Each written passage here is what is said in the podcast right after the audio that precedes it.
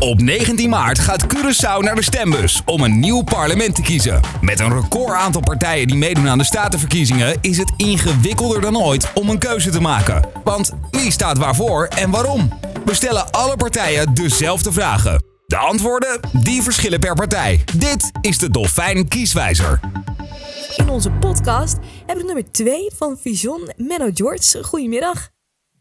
Goedemiddag, José. Hoe is het ermee? Ja, het gaat goed. En uh, het gaat goed wat betreft de politiek, want er gebeurt een hoop op het eiland. Vision, de nummer 2. Uh, hoe kom je er zo bij om bij Vision aan te sluiten? Uh, nou ja, om, niet mijn verhaal al te lang te maken, José. Ik, ik, ik zit al een behoorlijke tijd ben ik terug op het eiland. Ik heb lang in Nederland gewoond.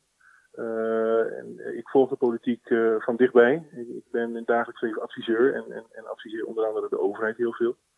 En ik zie uh, dat, dat er weinig ontwikkeling is op het eiland. Uh, ook economisch, maar ook, ook op andere vlakken. Mm -hmm. En uh, nou ja, weet je, ik, ik, ik ben het zat om steeds aan de zijlijn te staan vertellen uh, hoe het anders en beter kan.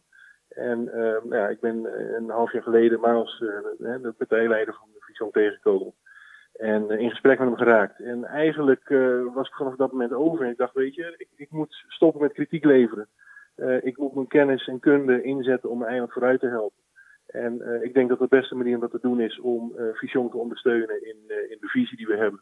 En de plannen die we hebben voor Curaçao. En, en ja, daarmee heb ik eigenlijk mijn eerste stap richting de politiek gezet. Spannende tijden en die plannen van Vision die zijn er nogal veel. Eigenlijk, als ik het mag samenvatten, moet alles anders, toch? Nou, weet je, ik, ik weet dat inderdaad het buiten zo, zo erg overkomt. alles moet anders, alles moet om. Er uh, wordt ook veel gezegd natuurlijk, hè, ze willen afstappen van de traditionele politiek. Mm -hmm. um, weet je, het, kijk, het, het, wordt een beetje gekscherend over gesproken, maar ik denk dat iedereen het wel met, met ons eens zal zijn dat hoe het de afgelopen jaren, de afgelopen tien jaar gegaan is, dat het in ieder geval niet op die voet meer verder kan. En uh, dat betekent dat je wel serieus moet gaan nadenken over wat er anders moet. En wat we eigenlijk proberen te doen met onze boodschap is vooral een, een, het gesprek uh, op gang te brengen over wat er dan anders moet. En, want we merken wel dat in de afgelopen jaren het heel moeilijk is geweest om moeilijke thema's, ik noem er maar eentje, de raffinerij, mm -hmm. om daar gewoon een, gezonde uh, discussie over te hebben zonder dat we verzanden in emotie. Ja. En nou ja, zo zijn er wat andere thema's en wij vinden van, weet je, laten we dan gewoon eens het woord verandering een aantal keer noemen. Uh, laten we de boot even flink heen en weer schudden. Uh, zodat uiteindelijk mensen wel realiseren, ja, we mogen het over verandering hebben, we mogen erover praten, vrijuit. We hoeven het niet altijd met elkaar eens te zijn. Maar ik denk uiteindelijk moeten we er wel over eens zijn dat het beter moet met Curaçao. En, en daar willen we als partijen ons, ons hard voor maken. Nou, laten we het dan hebben over die plannen. Een belangrijk speerpunt onder andere is de economie. Wat, wat, vindt, uh, ja, wat vindt Vision van de economie? Wat moet dan anders? Ja, nou, ik kijk altijd eerst heel kort terug. Uh, economie is, is, natuurlijk een belangrijke, is de belangrijkste pijler van, van ons eiland. Ja. Uh, als het economisch niet goed gaat, dan gaat het met heel veel andere dingen ook niet goed. En je ziet op twee jaar na dat er in de afgelopen twintig jaar geen economische groei is geweest. Uh, sterker nog, als je kijkt naar het bevolkingsaantal, dan, dan kan je bijna uh, 15 jaar geleden je klok erop neerzetten dat we op een aantal duizend mensen nou net zo groot zijn als dat we toen waren. En dat betekent als je economie niet groeit, dan groeit, groeit er heel weinig anders op je eiland. En wat je nou na COVID met name ziet, is dat ook op sociaal vlak we eigenlijk er veel depolabeler voor staan als dat men dacht. Er is heel veel verscholen armoede, mm -hmm. heel verscholen sociale problematiek. En wat wij zeggen is van kijk, als je die problemen reëel wil aanpakken op je eiland, dan zal je economisch het beter moeten gaan doen. En nou, er zijn een aantal zaken die je daarvoor moet aanpakken. Uh, wij hebben dan ook gezegd, een van de eerste dingen die je aan zou moeten pakken, omdat, omdat dat uh, ja, zeg maar, uh, noodzakelijk is om andere ontwikkelingen te, te, realiseren, is dat je je belastingstelsel moet versimpelen. Hmm. We hebben een, een, een, sterke focus op directe belastingen. We vinden dat er een veel sterkere focus zijn op indirecte belasting. Uh, nou, voor, voor Nederlandstalige luisteraars, uh, in Nederland heb je een systeem, een btw-systeem. Mm -hmm. uh, dat is niet een systeem wat we één op één over willen nemen, maar er zitten elementen in dat systeem wat heel belangrijk is. en dat is met name dat het systeem zichzelf zuivert. In die zin, als ik een onderneming heb en ik, ik moet ergens een product kopen om mijn product te maken, dan moet ik btw betalen aan die leverancier. En vervolgens moet ik in het product dat ik dan weer verkoop, moet ik btw in rekening brengen bij degene die bij mij koopt. Ja. Nou, als, als ik die twee niet aangeef bij de belasting, mag ik ze onderling niet verrekenen. Nou, dat systeem dat, dat werkt eigenlijk zelfzuiverend. Want aan de ene kant moet ik beta belasting betalen. Aan de andere kant moet ik belasting terugkrijgen. En de Belastingdienst zegt dan, verreken dat dan met elkaar. Mhm. Ja, en, en door dat systeem krijg je een, zeg maar, een, zelf, ja, een zelfzuiverend systeem wat we nu niet hebben. En ja, nu moet eigenlijk de Belastingdienst bij elke ondernemer gaan checken of de OB wel of niet afgedragen is. Dat is heel moeilijk te controleren. Met als gevolg dat een heel groot deel van onze OB gewoon niet geïnd wordt. In de volksmond noemen ze dat compliance. Hm. Wij zijn niet compliant. En dat betekent dat de overheid heel veel geld niet in de landskas krijgt waar zij straten mee kunnen maken, waar ze onderwijs mee kunnen betalen, waar ze de zorg uh, uh, betaalbaar mee kunnen maken. En nou, door een ander, simpeler systeem te implementeren, voor de belasting, uh, realiseer je al heel snel een stuk economische ontwikkeling. Nou, een Dat- tweede aspect om te ja. denken dat dat een rol speelt, is dat je de vergunningen die de overheid verleent, dat proces, dat heel veel van die processen die lopen heel stroperig. Die zou je veel korter, veel sneller en, en, en veel digitaler moeten maken om, om nou ja, slagvaardiger te zijn als overheid. Mhm. De overheid is, is niet productief genoeg. En de laatste die ik wil noemen, die vind ik ook belangrijk, is dat eh, de cost of doing business, het, hè, het, het- Ja. de kosten die je moet maken als onderneming, die liggen heel hoog. En met name bijvoorbeeld de energiekosten, als je die vergelijkt in de regio met andere landen, dan ligt dat zo hoog dat we, dat we als land heel moeilijk kunnen concurreren met de landen om ons heen. En als wij graag buitenlandse bedrijven willen aantrekken om zich hier te vestigen, ja, dan zal je ook naar zulke aspecten moeten kijken. Want die kijken natuurlijk wel en die zeggen, ja, hè, op Aruba of op Bonaire of op Mhm, Barbados is het mhm. veel goedkoper. Mhm. Ik ga liever daar naartoe. Ja. Die hebben een, een simpeler belastingstelsel, die hebben een goedkopere energie. Waarom zou ik op Curaçao gaan zitten? Ja, precies. Dat Wat zijn ik, aspecten. wat ik uit begrijp eigenlijk, als ik het samen mag vatten, is dat we van die red tape, hè, zoals dat altijd wordt genoemd, die, die romslompen rondom bijvoorbeeld de Belastingdienst heen, dat het eigenlijk allemaal veel simpeler moet en kan. Dat, dat kan veel simpeler. En, en eh, de overheid is daar gek genoeg al, al jaren mee bezig. Deze regering heeft Ja. zelf al drie of vier verschillende ABB-wetsvoorstellen opgesteld. En elke keer net voor de implementatie dan wordt het weer afgezegd. Eh, dan gaat het niet door. En wat je merkt is dat de overheid niet goed communiceert en niet goed samenwerkt met de private sector, met het bedrijfsleven, om gezamenlijk te komen tot een regeling die goed functioneert. En nou, dat geeft ook impliciet aan waar Vision voor staat. We zijn veel meer voor samenwerking met het werkveld, met het bedrijfsleven, als het om zorg gaat met de zorgsector, als het om onderwijs gaat met de onderwijssector. Mhm. De overheid is, is, we vinden hem groot, maar qua kennis is die relatief klein. En dan moet je op het eiland gewoon veel meer gebruik maken van de kennis die ook buiten de overheid is, om, om beleid te ontwikkelen, om keuzes te maken, die in het voordeel zijn van ons allemaal van Curaçao. Hoe wil. Vision dat dan gaan doen? Want het klinkt als een goed plan, alleen eh, ja, dat lijkt me wel ingewikkeld om te realiseren.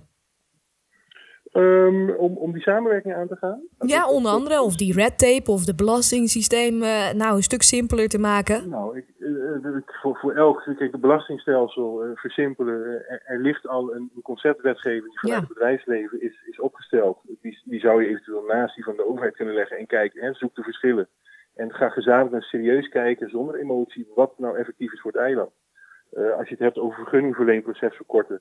Ik, ik ben zelf betrokken geweest als adviseur bij het implementeren van een aantal eh, automatiseringsprocessen binnen de overheid. eh, om vergunningverlening volledig te automatiseren en te digitaliseren. Nou, er is heel veel geld in geïnvesteerd, maar Mhm. halverwege het traject wordt dat stopgezet. Ja. En ehm, eh, waarom? Ik denk dat het te maken heeft met dat, dat er niet overal de bereidwilligheid is om stukje transparantie te krijgen. Want Hmm. als je het automatiseert en digitaliseert, dan kan je niet meer de aanvraag onderop de stapel bovenop leggen. Nee. Je kan niet meer je neef of je tante of je oom eh, even voor, voortrekken. Zulke soort zaken zijn er niet meer mogelijk. En dus ik kan me ook voorstellen dat, dat ook weer hè, die veranderingen waar we het over hebben, dat die op, op wat weerstand kunnen stuiten. Nou, Het feit zeker. is wel, als we mee willen gaan met de tijd, dan zullen we er niet aan komen om dat te doen. Na het volgende eh, speerpunt is misschien wel het onderwijs. Het onderwijs op Curaçao kan natuurlijk eh, met behoorlijk wat achterstanden. Was het plan van Vision om daar verbeteringen in aan te brengen? Vision heeft, heeft onderwijs als eerste speerpunt. Mhm. Eh, en, en, en als je naar ons partijprogramma zal kijken, wat volgende week gepubliceerd wordt, zal je merken dat het een, een vrij stevig hoofdstuk is. Ehm, er is namelijk heel veel mis in het onderwijs en er is heel veel of heel weinig aandacht naar uitgegaan in de afgelopen jaren. Ondanks dat het in, in, in campagnetijd altijd eh, geregeld wordt genoemd, krijgt het geen aandacht. Ja. En wat je merkt is eh, bijvoorbeeld, om een voorbeeld te geven, eh, onderwijs is gebaseerd op eindtermen. Met andere woorden, hè, een scholier die, die, die volgt een bepaalde opleiding. En aan het eind van de rit of op basis van eindtermen wordt, worden examens afgenomen en worden diploma's af, uitgereikt. Nou, als je kijkt tot op dit moment, de eindtermen die voor verschillende onderwijsvormen Curaçao eh, ehm, van kracht zijn, die dateren uit 2003. Dat betekent dat ze 17 jaar oud zijn. En dat betekent dat we mensen aan het opleiden, uh, op, aan het opleiden zijn en de diploma's aan het geven zijn, die eigenlijk uh, outdated zijn. En, Mm. en, en nou, ik kan hele praktische voorbeelden daarvan geven. Hè. We leiden een elektricien op. En eh, ik weet niet of je in een modern huis woont of niet, maar vroeger had je van die meterkasten waarvan je van die ronde stoppen, die moest je erin draaien. dat is heel oud. Ja, precies. Ja. Dat is heel oud. Nou, je moet je voorstellen dat een, een elektricien of een student elektri- elektricien op dit moment leert hoe je zo'n meterkast installeert, en hoe je hem test en hoe je meet. Terwijl er intussen al meterkasten zijn die veel moderner zijn, met van die simpele stoppen met schakelaars erop. Mhm. Dus we leveren mensen af die het werk heel goed kunnen. Alleen vervolgens het werk wat ze moeten doen, dat, dat bestaat intussen niet meer. Nee, sluit En, niet aan. en, en, hè, en, en een ander praktisch voorbeeld. We gaan tegenwoordig naar een, een, een, een tijdperk waarin je elektrische auto's hebt.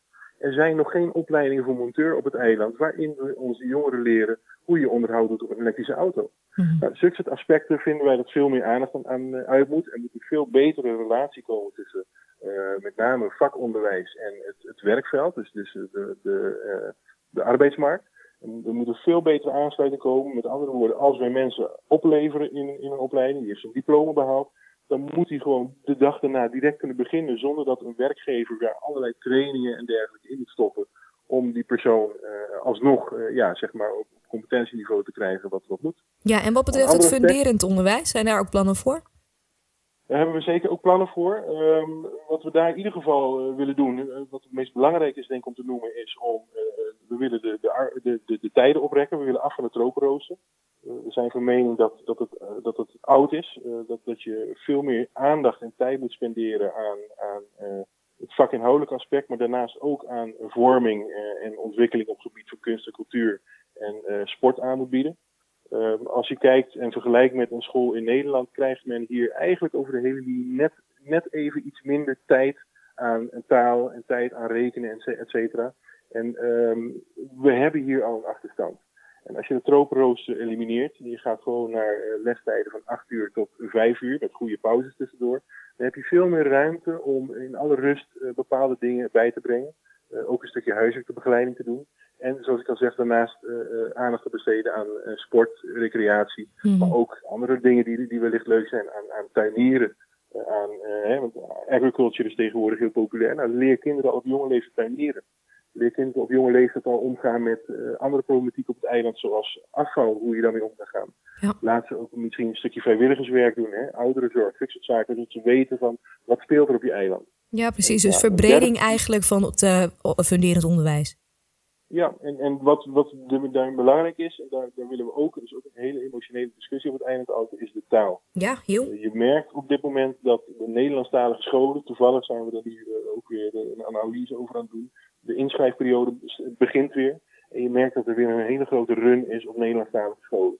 En ja, men durft het niet altijd hardop te zeggen, maar het zijn zelfs politici die altijd reclameren, altijd klagen over het Nederlandstalig onderwijs. Ja, Die staan voor in de rij om hun kinderen in te schrijven. ja. En ehm, ik denk dat als wij als Curaçao werkelijk voor de uitgang willen boeken, ook in het onderwijs, dan zal je serieus moeten overwegen om over tweetalig onderwijs bijvoorbeeld na te denken. Waarin je eh, niet alleen Papiaments, maar ook in de Nederlandse taal eh, eh, of in het Engels een les gaat geven. Waardoor je uiteindelijk wereldburgers creëert die nou, ook hun vleugels uit zouden kunnen spreiden. En als ze niet op Curaçao willen blijven bijspreken, ook elders in de wereld kunnen gaan, gaan, gaan wonen. Mhm. Eh, we moeten meer toe naar het opleiden van, van burgers die eh, skills hebben voor wat betreft de 21e eeuw. En weet je, daar zijn we op dit moment te weinig mee bezig.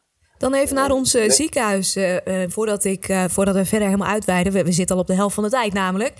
Ja, ja die, zorg op het eiland, het ziekenhuis op het eiland. Ja, dat ding staat er nu natuurlijk gloednieuw bij en zo. Maar, maar is Vision daar bijvoorbeeld tevreden over? Ehm, ik vind het leuk dat je, dat je het twee in één, één zin noemt. Je hebt het over de zorg en het ziekenhuis. Uh, toevallig daar vorige week een uitgebreide presentatie over gegeven. En wij vinden juist dat er eigenlijk in de afgelopen jaren te veel aandacht is uitgegaan naar het ziekenhuis. En te weinig aan- uitgaan is naar andere zorgelementen. Als je de zorg bekijkt, we hebben een systeem wat uh, geënt is op het Nederlandse systeem. Dat betekent dat je nulde lijnzorg hebt. Dat is eigenlijk preventie. De eerste lijn zorg, dat zijn je huisartsen. Mhm. Um, en dan heb je de tweede lijn, dat is het ziekenhuis. Dan heb je de derde lijn zorg en daar valt meer uh, de, de, de care sector onder. Um, de focus is tweede lijn geweest, ziekenhuis, ziekenhuis, ziekenhuis. Nou, het gebouw staat er. maar de problematiek is nog niet opgelost. Sterker nog, de, de zorgkosten die zijn nog steeds stijgend. Ja. Als je kijkt naar hoe Nederland dat oplost, dan zeg je ja, je moet gewoon veel meer aandacht geven, bijvoorbeeld aan je eerste lijn. Zorg ervoor dat de kwaliteit van je huisartsen voldoet. Dat doen ze in Nederland op basis van een BIG-register, die wij hier nog steeds niet hebben. Mhm. Zodat je patiënten bij de, zorg, bij de huisarts al voor een groot deel helpt. Uh, als je vergelijkt, een, een, behandeling in het ziekenhuis kost gemiddeld 1500 gulden en bij een huisarts 500 gulden. Dat betekent hoe minder uh, doorverwijzingen ik van een huisarts naar het ziekenhuis heb, hoe goedkoper mijn zorg wordt. Nou, op Curaçao zijn we vrij verwend. Ik, ik ga naar de dokter en ik, zonder ook met een, een woord te wisselen zeg ik, ik wil een verwijzing voor dit of dit of dat. Ja. Ja, dan moeten we mee stoppen op een eiland. Die huisarts die moet heel veel aspecten van wat een huisarts, een, een huisarts, niet een basisarts, maar een huisarts kan, moet hij, hij of zij zelf kunnen doen.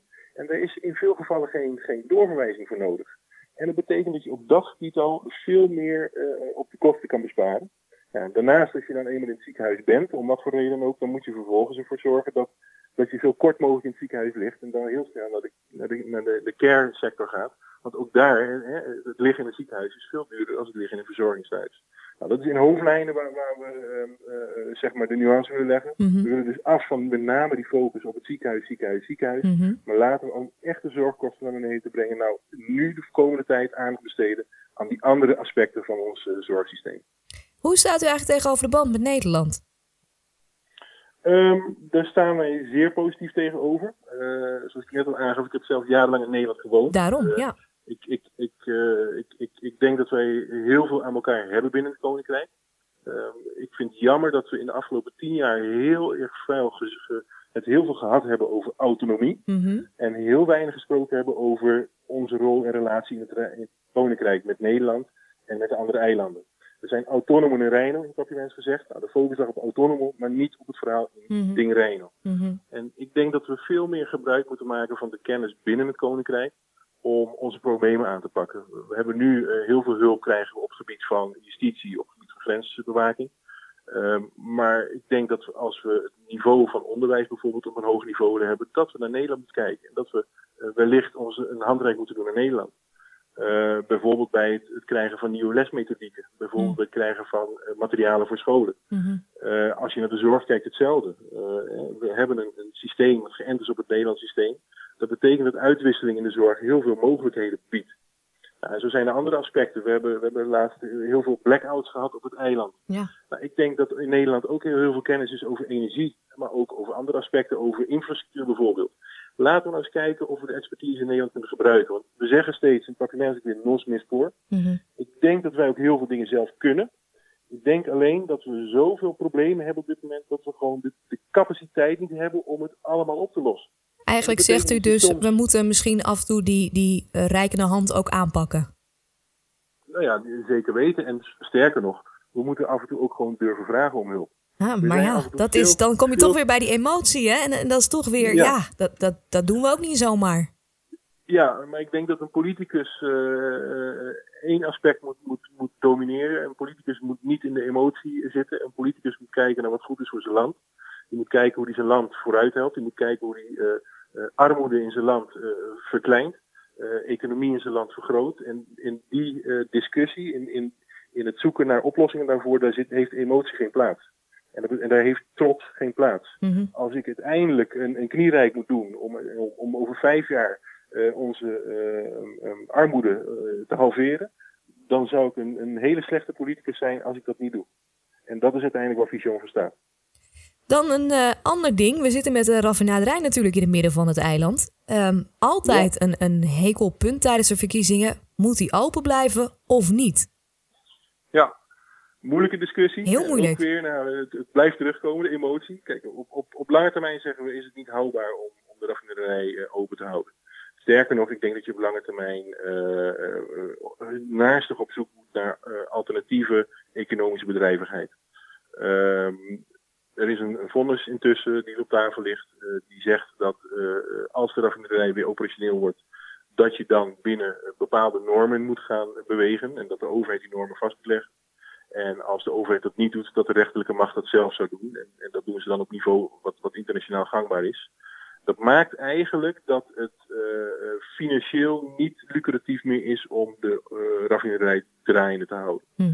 Ja, nu is er ondanks door de overheid hè, toch een, een nieuwe operator, een potentiële operator gevonden. Men heeft gezegd dat ze voor de verkiezingen in maart nog waarschijnlijk de eerste overeenkomst gaan ondertekenen.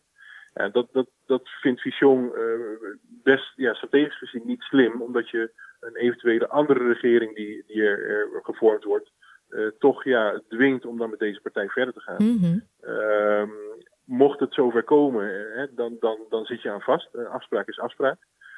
Maar ik denk dat uh, in de regering, die zal zeker voor de lange termijn op zoek gaan naar een alternatieve strategie. Zodat je niet meer gebonden bent en niet meer met de rug tegen de muur staat als het gaat om de raffinaderij. Ik denk dat hij zijn tijd heeft gehad. Uh, ik denk dat de, het terrein wat je daar hebt, dat je daar heel veel andere mooie dingen mee kan doen. Die heel veel beters op kunnen leveren. En ik geef je een praktisch voorbeeld. Uh, ondanks is er ook verschenen dat in, in, in de afgelopen jaren dat men bezig is met een PMO en, en PMU en allerlei andere projectgroepen om een nieuwe operator te zoeken, heeft men 150 miljoen gespendeerd. Mm -hmm. 150 miljoen waarvan ik denk, als we die in de afgelopen twee jaar hadden aangewend om in andere sectoren, dan hadden we eh, vervangende, uh, vervangend werk kunnen realiseren of vervangende economische bedrijvigheid kunnen realiseren. Ik geef een voorbeeld. Um, uh, we importeren heel veel uh, goederen, groenten, fruit, et cetera. Ja. Nou, Vision zou, zou er een groot voorstander van zijn dat je meer lokale productie doet. En niet alleen groente en fruit, maar ook frisdrank. nou, we hebben een matrassenfabriek hier, we hebben een verfabriek hier. Mm -hmm. Stel je voor dat je 150 miljoen had geïnvesteerd in bedrijvigheid op het eiland die gericht is op andere type lokale productie als olie. Dan hadden we wellicht intussen de 500 banen die nu, nou ja, zeg maar, uh, ja, uh, hoe zeg ik, kunstmatig overeind worden gehouden, daar hadden we wellicht alternatieven voor kunnen creëren. En, en ik denk dat we dus veel meer lange termijn moeten denken en veel minder continu in de situatie moeten komen dat je ad hoc beslissingen moet maken omdat je met de rug tegen de muur staat. Lijkt de overheid is een onjuist. Lijkt me ook wel lastig voor Vision, want inderdaad, het is precies zoals u schetst. Als er zometeen wel een akkoord is, ja, dan, dan zit je daar vast. Een afspraak is afspraak en wie weet al voor lang. Uh, dat, dat is wel heel, heel vervelend, lijkt mij dan.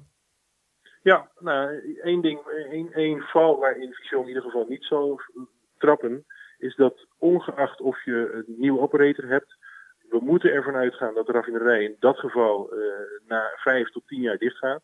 En dat zou betekenen, begin dan meteen al te denken aan een alternatief. Begin dan meteen uh, een alternatieve strategie uit te werken dat mocht het tegen die tijd, hè, mochten we in dezelfde situatie komen als een jaar geleden of anderhalf jaar geleden toen mm-hmm. het contract met PDV's niet verlengd wordt, dat je een alternatief op tafel hebt liggen. En dat je met dat alternatief op tafel vervolgens met verschillende partijen kan gaan onderhandelen. Want nogmaals, je staat nu met de rug tegen de muur. Hot topic ook afgelopen dagen, weken. De infrastructuur, de gaat in de weg. Iedereen heeft het erover. Heeft het ook voor uw partij prioriteit? Um, we hebben er wel aandacht aan besteed. Ik, moet je eerlijk zeggen, als, als ik naar alle andere thema's kijk die, die, waar, waar, we mee te kampen hebben op Curaçao, dan vind ik gaat in de wegen belangrijk. Maar het is natuurlijk heel, heel praktisch. Mm -hmm. uh, hè, als, ik het, als ik het afzet tegen armoede, als ik het afzet tegen onderwijs en dergelijke zaken. Maar het is wel zeker iets wat aandacht behoeft. Uh, ik, ik, ik stoor me er ook aan als ik, als ik naar mijn werk rij of, of ergens naartoe rij. Dat ik nou ja, me door gaten en bochten moet manoeuvreren. Om, omdat ik anders mijn, mijn auto schade toe. Ja. Met, met ook hè, de, de verkeersveiligheid uh, die er niet uh, beter op wordt. Nee. Um, het is wel een, een, een ding wat, wat niet heel op korte termijn opgelost zou gaan worden. Je hebt verschillende uh, straten, ook Curaçao, met verschillende kwaliteit van, van het wegdek. En um, wij weten dat uh, bij de dienst die, die daarover gaat, die, die het onderhoud moet doen in die straten, dat daar geen goede administratie van is. Hoeveel kilometer straat heb je op het eiland? welke kilometers hebben welke kwaliteit? En, want aan de kwaliteit van je straten is het onderhoud verbonden. Mm -hmm. nou, als je geen goed inzicht hebt in je infrastructuur, dus je hebt het administratief niet goed vastgelegd, ja, dan is het vervolgens heel moeilijk om een plan te maken om je onderhoud te doen. Ja. En um, nou ja, daarnaast uh, heb je nog een ander aspect te maken op het eiland. En dan komt er weer toch een stukje corruptie uh, om de hoek zetten. Um, het, het, komt sommige mensen die onderhoud plegen aan, uh, aan wegen, aan straatmeubilair, ook uit dat er zoveel schade is. Want nou, hoe meer schade er is, hoe meer geld je daarmee kan verdienen. Um, ik, ik, denk dus dat je, dat je in eerste instantie heel goed in kaart moet gaan brengen wat de staat van onze infrastructuur is. Mhm. Dan gaat het niet alleen om straten, maar alles eromheen. Bushokken, Van lantaarnpalen, bankjes, ja eh, precies. lantaarnpalen, Ja. noem het maar op. En vervolgens eh, eh, eh, moet je daar tegelijkertijd een plan voor gaan ontwikkelen. Nou, als je nou een goed voorbeeld doet, dit is nou een voorbeeld waar ik zeg, hier is Nederland verschrikkelijk veel kennis en expertise in. Eh, klop alsjeblieft bij Nederland aan de deur. En zo niet, dan doen we het zelf wel als we in de regering zitten. Mhm. En ga naar een aantal mensen kijken die verstand heeft van eh, urban planning en van infrastructuur. En ga, ga daar een oplossing voor zoeken. Hm. En zoek een oplossing die, die betaalbaar is, maar die ook duurzaam is. Heeft Vision eh, nou- eigenlijk nog, voordat, ik, eh, voordat u verder gaat, heeft Vision eigenlijk nog plannen die wij nu niet besproken hebben? Want als ik een klein beetje keek naar jullie eh verkiezingsprogramma, is onderwijs, is eh, economie toch, zijn echt belangrijke punten. Is er nog iets wat Ja. wij nog niet hebben besproken nu? Ehm, nou, dingen die we niet besproken hebben, ook nog niet naar buiten hebben gebracht, eh, dierenwelzijn. We vinden het zeer belangrijk dat, dat de wet die onlangs eh, eh, behandeld zou worden in de Staten, die is nog niet behandeld.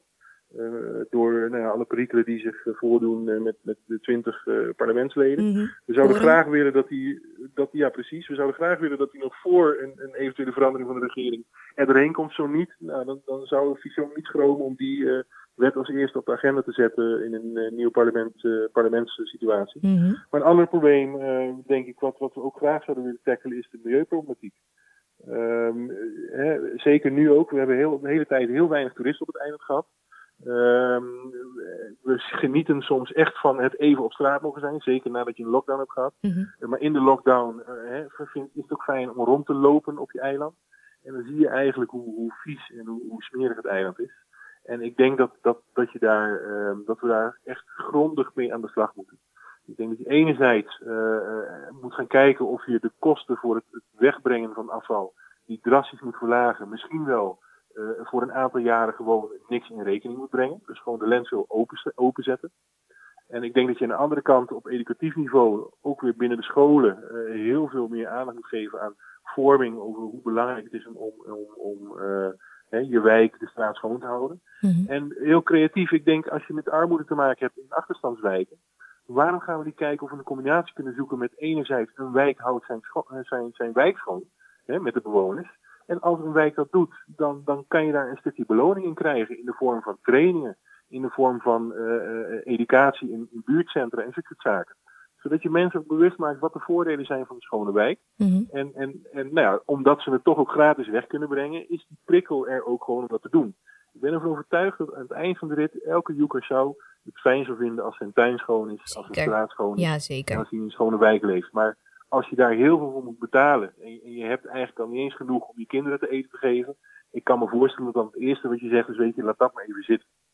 En ehm, nou, ik denk als we daar echt gewoon een, een- mindshift, een mindverandering in willen hebben, dan moet de overheid daar het, voortouw in nemen. Dan moet de over- overheid ook hand in eigen boezem willen steken en zeggen van weet je, misschien moet ik dit gewoon een aantal jaren subsidiëren om ervoor te zorgen dat, het, ehm, ehm, dat mensen eraan aan wennen hoe fijn het is om in een schoon land te wonen. Ehm, nou, zijn het allemaal grootse plannen? Dat kost natuurlijk ook ontzettend veel geld. Hoe wil Vision dat betalen? Ik denk dat we dan weer teruggrijpen naar het begin van het gesprek... door bijvoorbeeld dat veranderende belastingstelsel. Dat is één. Eh, door het veranderende belastingstelsel komt er in ieder geval meer geld in het laadje van de overheid. Een ander aspect wat, wat, wat ik ook altijd roep, en, en nogmaals, dat weet ik ook omdat ik dicht bij de overheid of in de overheid gewerkt heb.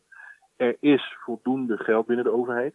De, begroting laat, heeft heel veel ruimte om goede dingen te doen. Op dit moment gebruiken we alleen ons geld voor de verkeerde dingen.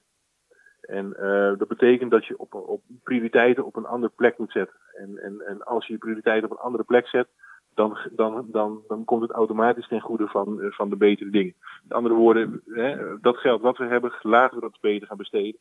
Laten we dat niet aan eh, consultants besteden. Laten we dat niet aan, aan projecten besteden die uiteindelijk geen zin hebben. Laten we dat niet besteden aan, ik zeg maar wat, ministerieel regisseurs. Maar laten we vooral dat stoppen in de dingen waar het wel uh, ten goede komt. En uh, daarnaast, en dat is het voordeel uh, wat we denk ik in deze periode ook hebben. Uh, we zijn intussen gebonden aan een, een landspakket, wat overeengekomen is met Nederland. Weliswaar is de Rijkswet nog niet geformaliseerd, maar dat zal eerdaags gebeuren. En dat betekent dat we in de komende zes tot zeven jaar onder toezicht staan voor wat betreft hoe we omgaan met ja. de geleende gelden van uh, Nederland. Ik denk dat dat goed is, want ik denk dat we die gelden op een goede manier moeten inzetten. Uh, want als we dat niet doen, dan, uh, dan worden de problemen uiteindelijk alleen maar groter. Onze schuld die zal na die zeven jaar groot zijn. toen, we, toen in 1010 Curaçao geboren is als land, begonnen we met een derde schuld van onze economie. Dus de grootte van onze economie is een derde daarvan hadden we een schuld. Intussen, over zeven jaar, zal het twee derde zijn. En dat moeten we ergens weer terug gaan betalen.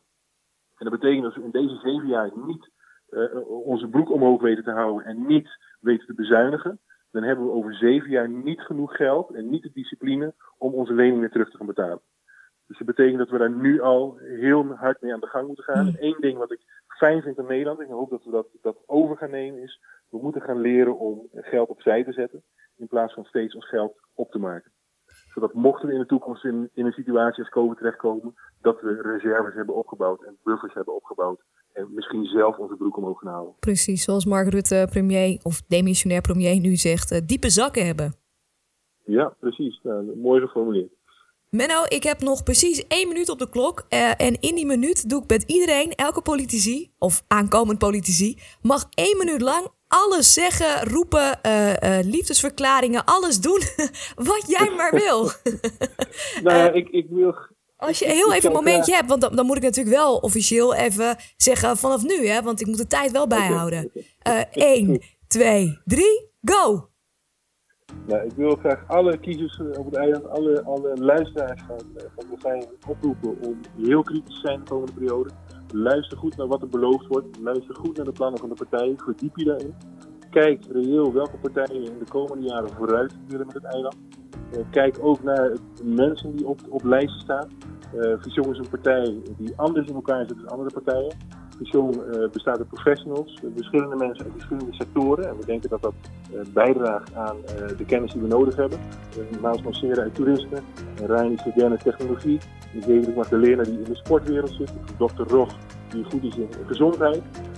we willen ons hard gaan maken om het inderdaad toch anders te gaan doen op het eiland en met name de aandacht te geven aan die aspecten die aandacht nodig hebben. We willen dat als overheid niet alleen doen, maar we willen daar ook op kunnen bouwen en op vertrouwen op uh, experts in, in, in het werkveld.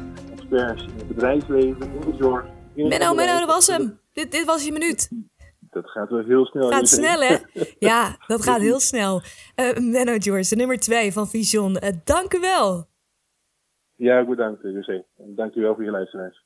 Heb jij ook geen idee waar je op gaat stemmen? Hoe denkt een partij over onderwijs? Wat gaan ze doen tegen de armoede? En wanneer worden de wegen verbeterd? Cruciale vragen die de partijen beantwoorden in de podcast Dolfijn Kieswijzer. Check de Dolfijn Kieswijzer nu op dolfijnfm.com.